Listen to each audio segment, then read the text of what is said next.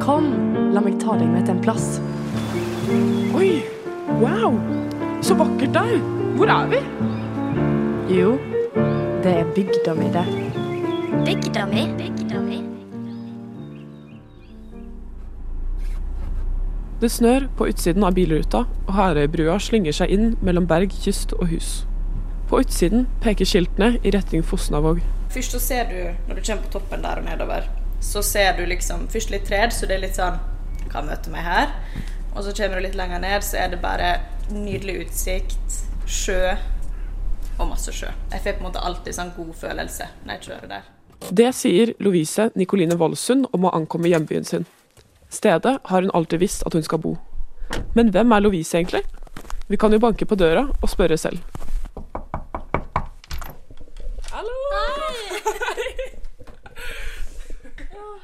Jeg heter Lovise Nikoline Voldsund. Jeg er 24 år og kommer fra og bor i Fosnavåg.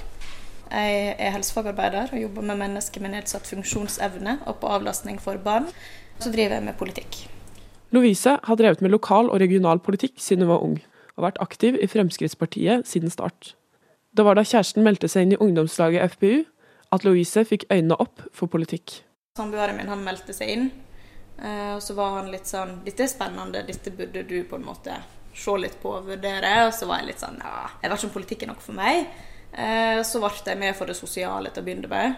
Og så fikk jeg etter hvert litt verv, og så fikk jeg prøve skoledebatter og sånne ting. Og da bare balla det på seg. I dag sitter Lovise i fylkesstyret for Møre og Romsdal, og som vara til kommunestyret i Herøy. Politikken trives hun godt med. Jeg syns det er veldig spennende og veldig kjekt. Og så var jo selvfølgelig ungdomspolitikk det var jo mer satt på spissen, litt mer energisk og veldig gøy. Eh, men så kjente jeg etter hvert at jeg også ble jo mer voksen, og det var mer spennende å drive med mer seriøs politikk da.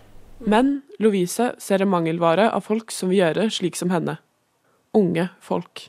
For nå er jo jeg vara til kommunestyret. Jeg møter jo ganske ofte, men når jeg sitter der, så er jo det kun to faste under 30. Og da tenker jeg litt sånn Hvis ikke det er flere unge som engasjerer seg, hva skal da skje med samfunnet? Skal vi i det hele tatt kunne ha en framtid for Fosnavåg by hvis ikke den yngre garde også tar et steg inn og faktisk bidrar til å ja, forme framtida, da? Og det skremmer meg litt, egentlig, at ikke vi har flere unge. Lovise tenker seg om.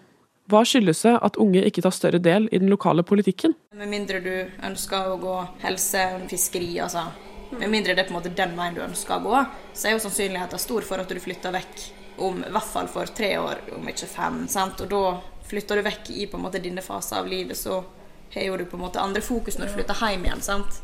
Hvis du er 35 og har fått deg to unger og kommer hjem igjen, så er det på en måte det som er fokuset. Situasjonen får Lovise til å se sin egen posisjon som en mulighet til å forandre fremtiden.